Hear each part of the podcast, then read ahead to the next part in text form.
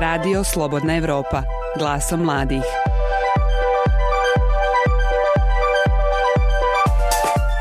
Tokom pandemije koronavirusa, mnogi su naučili da ništa u životu ne treba planirati. Planovi su većini pali u vodu. Pandemija je pomrsila konce svima, naročito onima koji su svoje ljetovanje počeli planirati i šest mjeseci ranije. Gotovo svakodnevne izmjene epidemioloških mjera te odluke o posebnim uslovima za prelazak granice susjednih zemalja, pogotovo Hrvatske, omiljene turističke destinacije Bosanaca i Hercegovaca, ali i Crne Gore, otežavaju im da kao i ranijih godina uživaju u moru. Neum, jedini BH grad na moru, nije svima prvi izbor. No Bosna i Hercegovina ima druge zanimljive turističke ponude, koje su i u svijetu prepoznate. Ja sam Aida Đugum, a vi slušate podcast Glasom mladih. U narednih pola sata slušamo mlade iz raznih krajeva Bosne i Hercegovine. Govor o tome šta treba posjetiti u Bosni i Hercegovini tokom odmora, ali i koliko ih pogađa činjenica da ove godine ne mogu birati destinaciju po svom ukusu i mogućnostima. Ostanite sa nama i saznajte. Slušate podcast Glaso mladih. Kada je shvatila da od ljetovanja na kakva je naučila proteklih godina nema ništa, 29-godišnja Senka Bajramović, community menadžer u fondaciji Mozaik, prihvatila je ono što je, tako reći, na dohvat ruke. Sa suprugom i društvom planira koristiti dane odmora za obilazak ljepota Bosne i Hercegovine, a na more će, kaže, ako se bude moglo. Često se zvezam, znaš, pitaju me, ne znam, kolege, prijatelji, uvijek dječeš za godišnji jer je kod nas fiksni kolektivni godišnji druga i treća sedmica avgusta. I ja nekako uvijek kažem da se još ne usudim ni reći ni planirati nešto što nas je ja mislim naučio ovaj period ovaj korone, pandemije svega ovaj izolacije je da ne, da ne planiramo i nekako mi je postalo normalno sad ne planirati. Ja sam inače jako ono control freak kad je u pitanju ovaj organizacija, ali nekako sam tako ovaj naučila cijeniti nakon što smo imali onaj mart i april strašni izolacije, nekako kad se oslable mjere, kad smo počeli se kretati, nekako sam vidjela da, da je i to ok, ono, u toku sedmice tek znati gdje će za vikend, pratiti mjere, hoće li sve biti ok, kako će biti vrijeme, tako da ovaj, stvarno se ne usudim još uvijek planirati godišnji, vidjet ću kako će biti situacija, ovaj, imam dosta baš prijatelja koji, koji žive, ne znam, u Njemačkoj, u Švedskoj porodci, i ovaj, vidim kako ima to utječe nekako na, na godišnji, da ne znamo hoće li moći doći mi, ili hoćemo mi moći njima otići, tako da nekako svi čekamo, a u tom čekanju smo se prilagodili, bar ja, moj suprug, moje društvo, nekako da krenemo obilazit neke prirodne ljepote koje su nam uvijek bile prednosom, a nekako nismo imali vremena da ih obiđemo, smo bili okupirani drugim stvarima. Recimo, kad, kad su tek oslable mjere, sad se više ne sjećam kad je to bilo, bio neki kraj aprila, ono, svi smo toliko ovaj, jedva čekali to proljeće i da možemo izaći vani, a niko se nije usudio sad negdje dalje ići, one još uvijek su bile mjere na, na snazi policijski sat, tad smo nekako počeli obilaziti mjesta oko Sarajeva, koja su nam uvijek bila tu, ali ono, čekali smo neku priliku da ih obiđemo, pa smo tako, ne znam, krenuli sa Iliđom, ono, Rimski most, Vrelo Bosne, gdje nismo bili od djetinstva, ono, koje je stvarno prelijepo i koje sad svima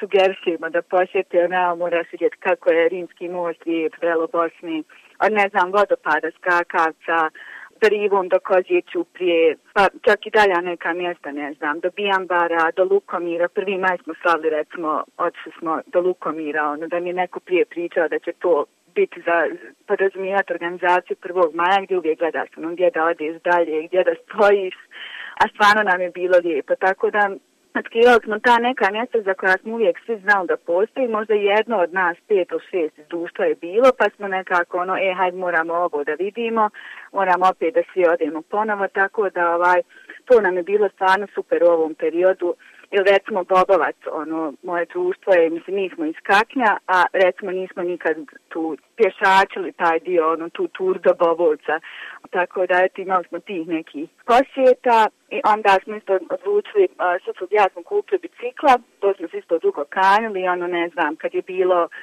sa javnim prijevozom ne znam, ko ima prioritet, da nema gužve, meni treba nekih, ne znam, pola sata do posla, onda sam to procijenila da mi je biciklo novo prijevozno sredstvo, a i olakšava nam obilazak ovih nekih bližih tura oko Sarajeva.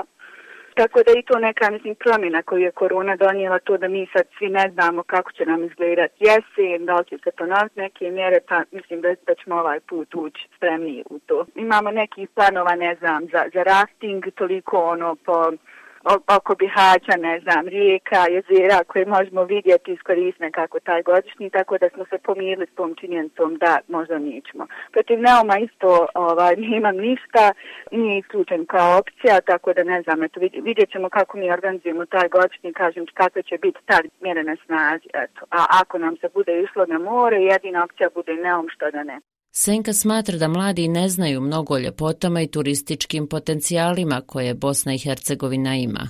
Ona ima želju posjetiti neke od festivala koji su najavljeni ovog ljeta uprkos pandemiji koronavirusa.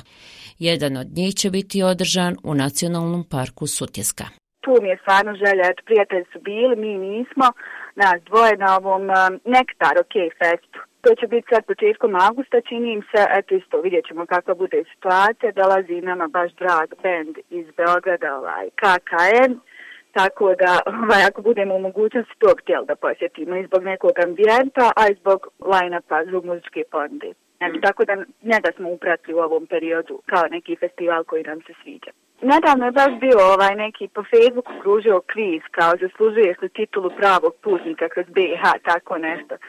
I sad ja tu entuzijastično kako smo to već obišli, kao skinuli smo s checkliste tih nekoliko mjesta, malo prije što sam ti nabrojala. I onda sam tu krenula klikat, ne znam, bude ovako 35 ponuđenih. I ono, ne znam, jesam li možda pola vidjela. Ne, za neka mjesta sam tu tek prvi put vidjela neke vodopade, ne znam, stolac, neke tvrđave i onda smo tu ono skontali da smo podijeli u društvu taj kriz kao ono koliko nam je još ostalo, evo i da potrije pandemija, ono i ovu godinu i narednu, vidi šta sve imamo obići. Tako da mislim definitivno da ima ono od naših planina, pored, ne znam, Bjelašnice, Jahodnje, ono, Visočica, Treskavica, od vodopada, ne znam, Kravice, Kutovo blato, da stvarno mislim da imamo dobru turističku pondu gdje sam treba dobro organizovati i, i ne gledati to kao neku utješnu opciju, evo ne možemo dalje, ne možemo u Hrvatsku na more pa ćemo ovo obilaziti. Mislim da je to stvarno nešto što svakako svi trebamo obići. Slušate podcast Glaso mladih. Prethodne epizode pronađite na slobodnaevropa.org ili na Google i Apple podcast aplikacijama. Studentica međunarodnih odnosa i diplomatije na Sarajevskom fakultetu političkih nauka Iman Maslić, rođena Traničanka, odnedavno je članica Vijeća mladih Federacije Bosne i Hercegovine. Kroz tu omladinsku asocijaciju imaće priliku putovati kroz BiH. Ona tvrdi da joj eventualni neodlazak na more neće teško pasti.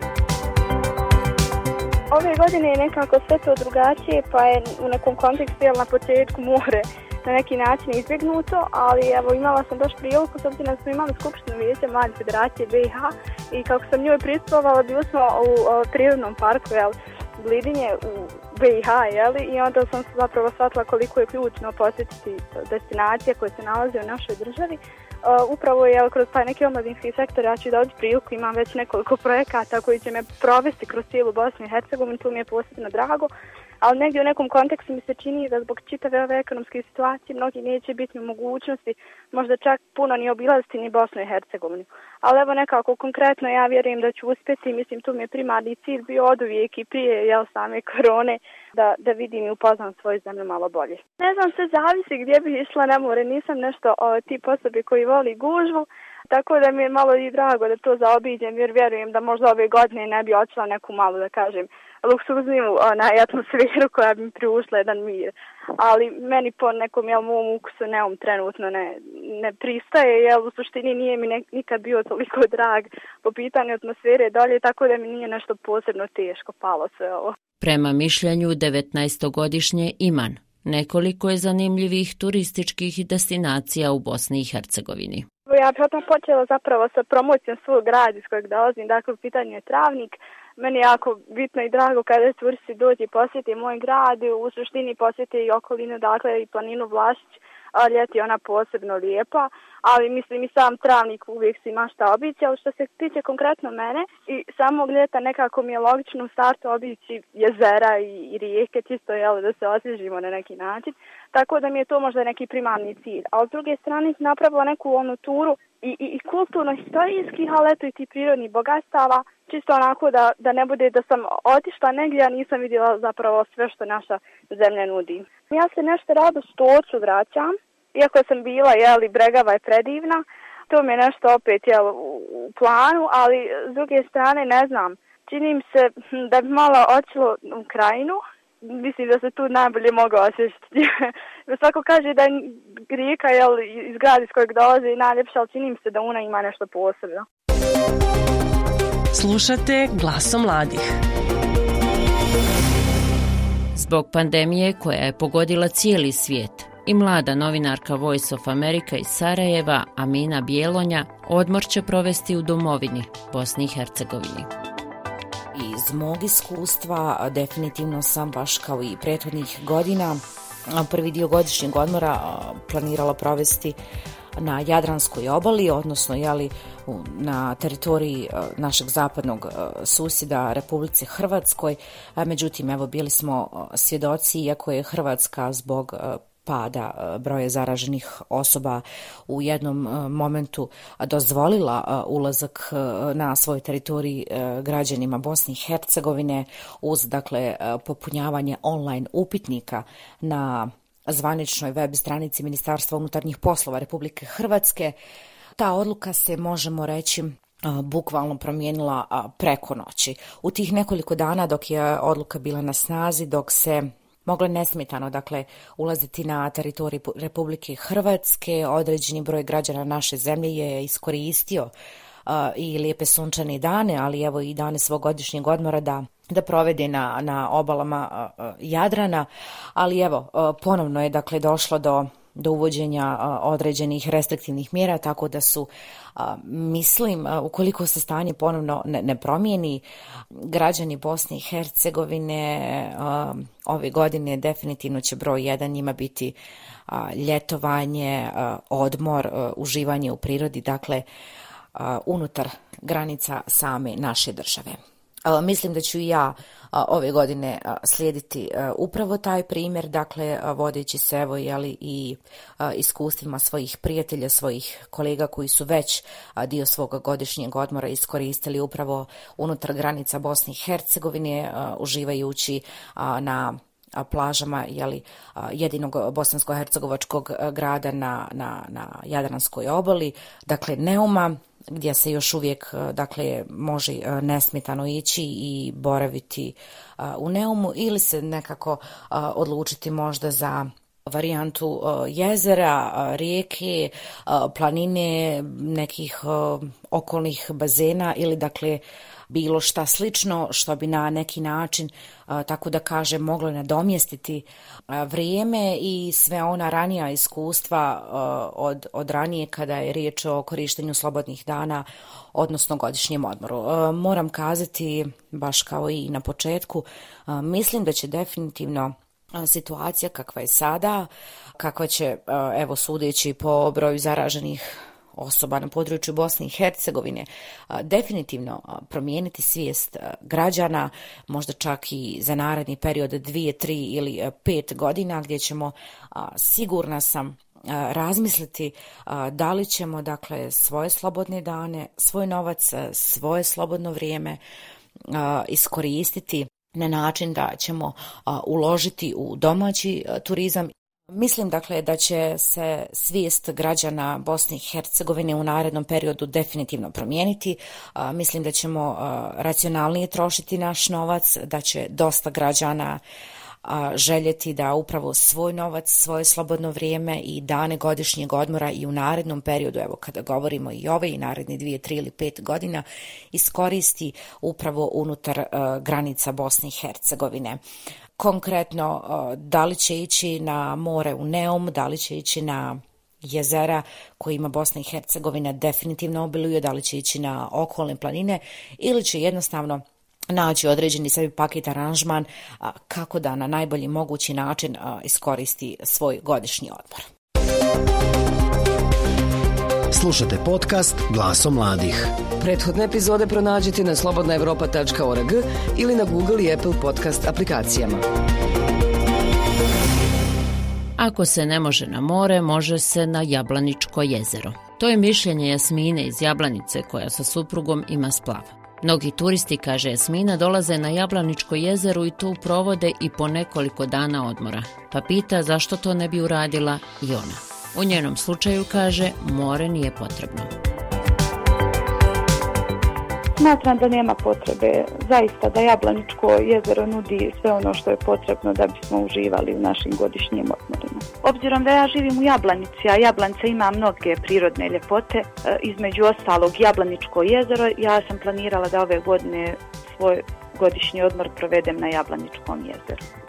Pored toga što na Jablančkom jezeru naravno provešćemo vrijeme na plaži kupajući se, e, također obzirom da moj muž ima splav na Jablaničkom jezeru, planiramo da većinu vremena provedemo na splavu, obzirom da je to zaista prelijepo iskustvo, pored toga što se možemo kupati na sredini recimo jezera i tada nismo okruženi sa puno ljudi, također cijelo to vrijeme smo okruženi prelijepom prirodom. Pa prošle godine je veliki broj turista zaista bilo. Bilo je iz svih dijelova svijeta, iz Saudijske Arabije, Španije, Švedske, Hrvatske, a bilo je također i domaćih turista. Zaista veliki broj ljudi zainteresovan da provede vrijeme na splavu. Polazna tačka je plaža peta, to je Donje Papravsko Jablanca, to je polazna tačka i, i splavari se jeli, čitavim Jablaničkim jezerom. U zavisnosti od toga šta, za šta su ljudi zainteresovani. Neko želi da ode recimo na sredinu jezera i da provede dan kupajući se tu, a neko želi da obiđe e, recimo branu na Jablaničkom jezeru, viseći most u Ostrošcu. Pa evo ono što je specifično konkretno splavaranje, splavarenje Jablaničkim jezerom, e, niti jedan gost nije otišao ne, nezadovoljan. Zaista koje god bio na splavarenju, svi su otišli oduševljeni i pod utiscima. Posebno što recimo pored toga jeli što uživaju u splavarenju, u prirodnim ljepotama koje okružuju Jablaničko jezero, plivanju u Jablaničkom jezeru, e, također na splavu je moguće e, naručiti i hranu, odnosno e, može se naručiti iz okolnih restorana jela tradicionalne bosanske kuhinje, kao što su piti ispod sača, janjetina, teletina, pa zatim jela s roštilja, razne vrste riba. E, također može se ponijeti vlastita hrana, a može se i, i, i roštiljati na splavu. Odnosno splav ima i, i roštilj, tako da ugođaj bude potpun. Ja moram još napomenuti da mogu uživati u splavarenju i oni, one osobe koje ne znaju plivati i djeca, obzirom da splav ima i pojaseve za spasavanje i za djecu i za odrasle. Pa evo, prošle godine mogu reći da je bio veliki e, broj turista iz cijele Bosne i Hercegovine, i Sarajeva, e, Zvornika, Tuzle, Zenice. Zaista ljudi su zainteresovani i uglavnom se i vraćaju kad jednom dođu na splavarenje. Odmah se raspituju onaj, kada bi ponovo mogli da dođu. Tako da je pogotovo zbog ove situacije sa koronavirusom ove godine sve veći i veći uh, broj građana želi da posjeti Jablaničko jezero. Zavisi, određeni broj gosti dođe e, na jedan dan, a određeni broj gosti žele da provedu neko vrijeme jel, na Jablančkom jezeru, u zavisnosti neko noć dvije, neko ostane sedam dana, neko provede cijeli godišnji odmor u Jablanici. Moram da napomenem da e, veliki broj ribolovaca dolazi na Jablančkom jezeru kako bi pecao ribu. Pa evo ima određeni broj mladih gosti. Mislim, većinom su mladi, mladi gosti koji dolaze u društvu, jeli, provode vrijeme na Jablaničkom jezeru. Pa interesantan je mladim ljudima, kao što sam napomenula, zaista ima velike mogućnosti, pored splavarenja, jeli što se može uživati u samom pogledu na Jablančko jezero i prirodu, također može, mogu provesti vrijeme plivajući na sredini jezera, a i zanimljivo im je jer mogu doći tu sa društvom, ima i muzika na splavu, e, može se i roštiljati, tako da je vrlo privlačno mladim ljudima. Slušate glasom mladih. Amir Purić iz Velike Kladuše sebe predstavlja kao donedavnog novinara, a sadašnjeg političkog aktivistu. Ljeto će provesti radno, a možda i neće ići na odmor ove godine zbog pandemije koronavirusa. Ako bude odmora, to će biti sigurno negdje u Bosni i Hercegovini, vjerovatno planina ili negdje pored rijeke, jedan kraći odmor jer, jer financijska situacija više ne dopušta ove godine zbog svega ovoga što se desilo nešto više luksuza u odnosu na ono jeli, što je, da tako kažem, normalno za jednog prosječnog bosanca i hercegovca. U Bosni i Hercegovini me uvijek privlače planine, pogotovo ljeti, jer baš mi ne podnosi mnogo one vrele ljetne dane 35, 6 ili više stepeni, tako da volim nešto ono hladnije opcije. A ono što me posebno u zadnje vrijeme privlači jest, jesu lokacije pored rijeke Une, Mislim da su one sjajna opcija za ljeto zbog toga što je una hladna i uvijek je na tim lokacijama za neki 3-4 stepena hladnije, odnosno ugodnije ljeti u odnosu na ostatak e, države. Također turistička zajednica grada Bihaća radi, ja moram reći, odličan posao u zadnjih godinu dvije sa promocijom tih ljepota a, također i sa infrastrukturom, ono da ne idem dalje od Štrbačkog buka, Japonskih otoka, nacionalnog parka Una do, do etno sela koje, koje, koja su baš iznikla a, posljednjih godina u, u, u gradu i Bihaću i okolim jel, selima. Nažalost, vjerujem i oni ove godine da doživljavaju jednu malu krizu ekonomsku, odnosno manji broj, znatno manji broj posjetitelja izvana, iako su se posljednjih godina sjajno razvijali sve evo do marta ove godine kada je kriza utjecala i na njih. Također u samoj Bosanskoj krajini je taj e, etno turizam, e, ruralni turizam, kako se već naziva, u ekspanziji u gotovo svakoj općini i gradu, razviju se neka mala vikend naselja u, u selima i pored rijeka, potoka, tako da je to ono gdje ću nastojati biti ove godine, možda nekoliko sljedećih godina, kažem, a, nije velika katastrofa to što ne možemo ići izvan države, pa čak nije ni velika katastrofa to ako se ne ode jednu godinu na odmor, jer za Boga prvo što bi nam trebalo biti prioritet jeste to javno zdravlje, da se strpimo jer ćemo sljedeće ili najkasnije za dvije godine moći se vratiti u takozvanu normalu. A druga stvar, hiljade građana Bosne i Hercegovine, radnika, radnica, ne može da ode ni u normalnim uvjetima na odmor, ako imaju pravo zakonsko 18 dana, da idu na godišnji ili 20, najčešće ne dobiju ni 7, treći dan ih zovu da se vrati na posao, da spomene samo radnice u, u trgovini, odnosno supermarketima koje su bile čitavo ovo vrijeme korona vrijeme na prvoj liniji fronta, što se kaže, bez ono slobodnih dana, bez posebne zaštite na radnom mjestu.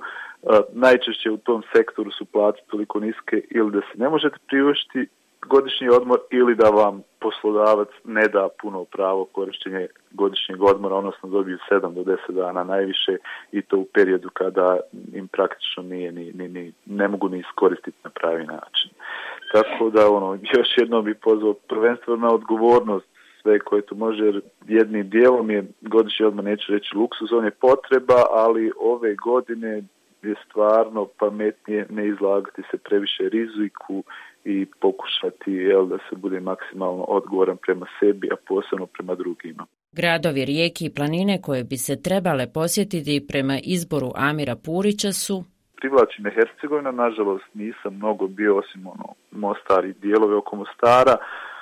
Siguran sam da ima jako mnogo da ponudi od čak i planine u Hercegovini. Blidinje je posebno atraktivno zadnjih godina i to je jedna od destinacija koje želim posjetiti u narednih nekoliko godina, ako ne već ove. A, privlači me Trebinje, ali ne u ovom ljetnom periodu jer mislim da je prevruće.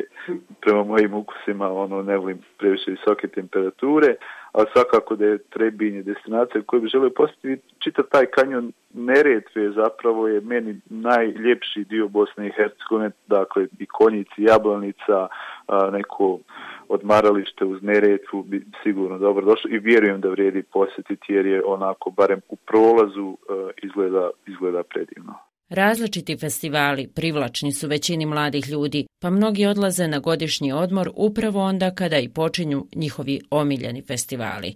Pandemija je ove godine mnogima poremetila planove, kaže Amir, ali upozorava da je zdravlje ipak na prvom mjestu. smatram čak ove godine zapravo i da i neće biti moguće organizirati, već sam razgovarao, pošto sam jednim dijelom vezan i za nevladnu organizaciju koja se bavi kulturom i umjetnošću, pa smo sarađivali sa par organizatora takvih festivala koji kažu da ove godine vrlo vjerovatno neće uspjeti organizirati jer postoji ograničenje od 300 osoba čak i na otvorenom. Naravno svi festival traže hiljade ljudi, tako da će taj sektor biti u ogromnim problemima ove godine. Naravno, sljedeće nadamo se da će svi biti bolje, da će biti vakcina i da će jel, ljudi moći opet da se okupljaju. Postoje odlični festivali u Bosni i Hercegovini. Ja kažem nisam prevelik ljubitelj, ali to je sad privatni ono ukus muzički, ali filmski festival definitivno da, Sarajevski filmski festival je možda i najprepoznatljiviji, najprepoznatljiviji kulturni događaj Bosne i Hercegovine, najjači promotor Bosne i Hercegovine zadnjih, pa rekao bi, deseta godina. A, šteta što nemamo i filmske festivale i u nekim manjim gradovima kako bi ljudi iz manjih sredina imali barem priliku da osjete a, taj ambijent i atmosferu, a, nadam se sljedeći godina da će biti nešto slično, evo imamo u Hrvatskoj, na primjer u Motovu, Motovu filmski festival je odličan u jednom malom mjestu, pokazuju da se može organizirati. Prošle godine je bio pokušaj u Krajini, čini da je održan prvi u Cazinu, filmski festival, šteta što kažem što se neće ove godine nastaviti jer je moglo kroz par godina da onako i zaživi, da organizatori dobiju i znanja, i iskustvo da to podignu na jedan veći nivo, sad će sve morati iz početka od sljedeće godine. Da, ja bih još jednom apelovao na sve da na prvom mjestu im bude njihovo zdravlje, zdravlje njima bliskih ljudi, ali i ono javno zdravlje, odnosno zdravlje svih drugih. Kažem, jedna godina, ako se propusti godišnji odmor, nije toliki problem nije, nije, nije nenadoknadiv gubitak, već od sljedeće godine vrlo vjerovatno bit ćemo u prilici da svi idemo na odmor zato što će se siguran sam e, razviti vakcina dotad ili ćemo jednostavno uspjeti da se izborimo s ovom pandemijom i neka imaju na umu ljude koji već godinama nisu u stanju u Bosni i Hercegovini da odu na, ili iskoriste svoj godišnji odmor ili zbog siromaštva ili zbog kršenja radničkih prava, a ono jednostavno u Bosni i Hercegovini danas je čak i godišnji odmor na neki način luksuz, iako to ne bi trebao biti. E, ove godine treba biti posebno odgovoran i ove godine stvarno nam ne treba a, odmor biti na prvom mjestu kada uzmemo u obzir sa ovaj rizik koji postoji s druge strane, pogledamo samo što se dešava u, u Novom pazaru ovih dana, ne bismo htjeli sigurno sam da ni jedan bosanski bosansko-hercegovački grad uh, ima to iskustvo narednih mjeseci.